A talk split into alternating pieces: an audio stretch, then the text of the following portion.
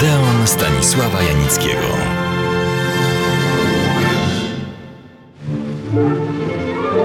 To stało się już odeonową tradycją, że w pierwszym wrześniowym Odeonie nawiązuję do września 1939 roku, do II wojny światowej.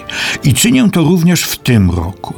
Nie będę jednak przypominał Państwu batalistycznych filmów wojennych w rodzaju radzieckiego upadku Berlina, amerykańskiej bitwy o Midway czy najdłuższego dnia, japońskiej wojny morskiej o Hawaje i Malaje, niemieckiego Stalingradu czy naszych filmów Westerplatte czy Kierunek Berlin.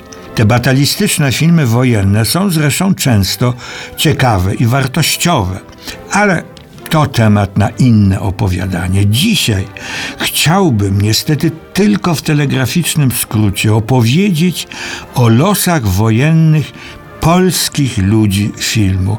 Już nieraz o nich opowiadałem, ale ostatnio ukazała się znakomita, obszerna, bogata książka dwóch autorów, Grzegorza Rogowskiego i Michała Pieńkowskiego, zatytułowana, cytuję, Skazane na zapomnienie. Polskie aktorki filmowe na emigracji. Polecam tę książkę wszystkim zainteresowanym i gwiżdżę na niby zasady, że nie wolno reklamować, bo i tak dalej, i tak dalej.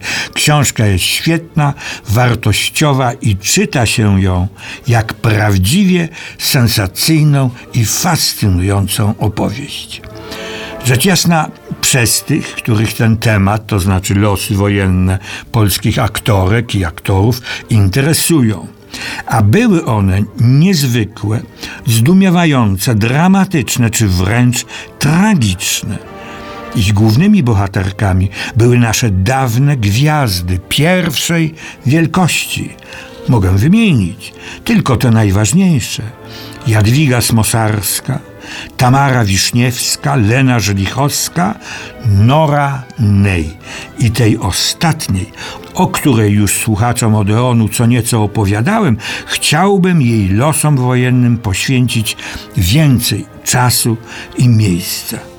Przypomnę, może najpierw tylko jej najważniejsze filmy. Rok 1929. Policmeister Tagiejew kopia, o dziwo, się zachowała. Zaginęła natomiast kopia ważnego filmu, adaptacji powieści Stefana Żeromskiego Uroda życia. Rok 1932, równie oryginalny, co egzotyczny film Eugeniusza Bodo, kręcony w Afryce, dokładniej na Saharze. Głos pustyni. Córka generała Pankratowa, rok 1934, nawiązywała do wcześniejszego policmajstra Tagiejewa. Ta rola była jednak jeszcze bardziej skomplikowana, a tym samym i bardziej wartościowa. Ciekawą rolą Nornej, choć odtwarzana kobieta nie należała do sympatycznych i prawych, była ta w filmie Kobiety nad przepaścią w roku 1938.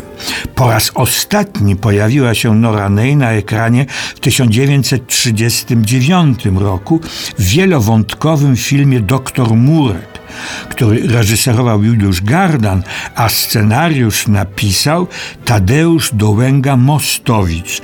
O Norze Ney autorzy cytowanej książki piszą zaraz na wstępie, że o nikim tak wiele nie pisano, tyle nie mówiono, nikt nie wywołał tylu skandali i nie żył w tak hollywoodzkim stylu. Ale wybuch II wojny światowej przekreślił i to bezpowrotnie hollywoodzki styl.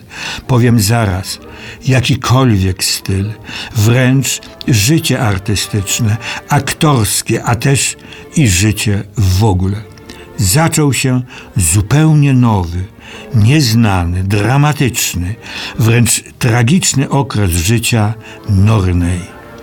Dodam, nie tylko jej, żadna z polskich aktorek tak znakomitych, tak oddanych pracy nie znalazła po wojnie w Stanach Zjednoczonych Ameryki Północnej pracy na scenie jakiejkolwiek czy w filmie jakimkolwiek.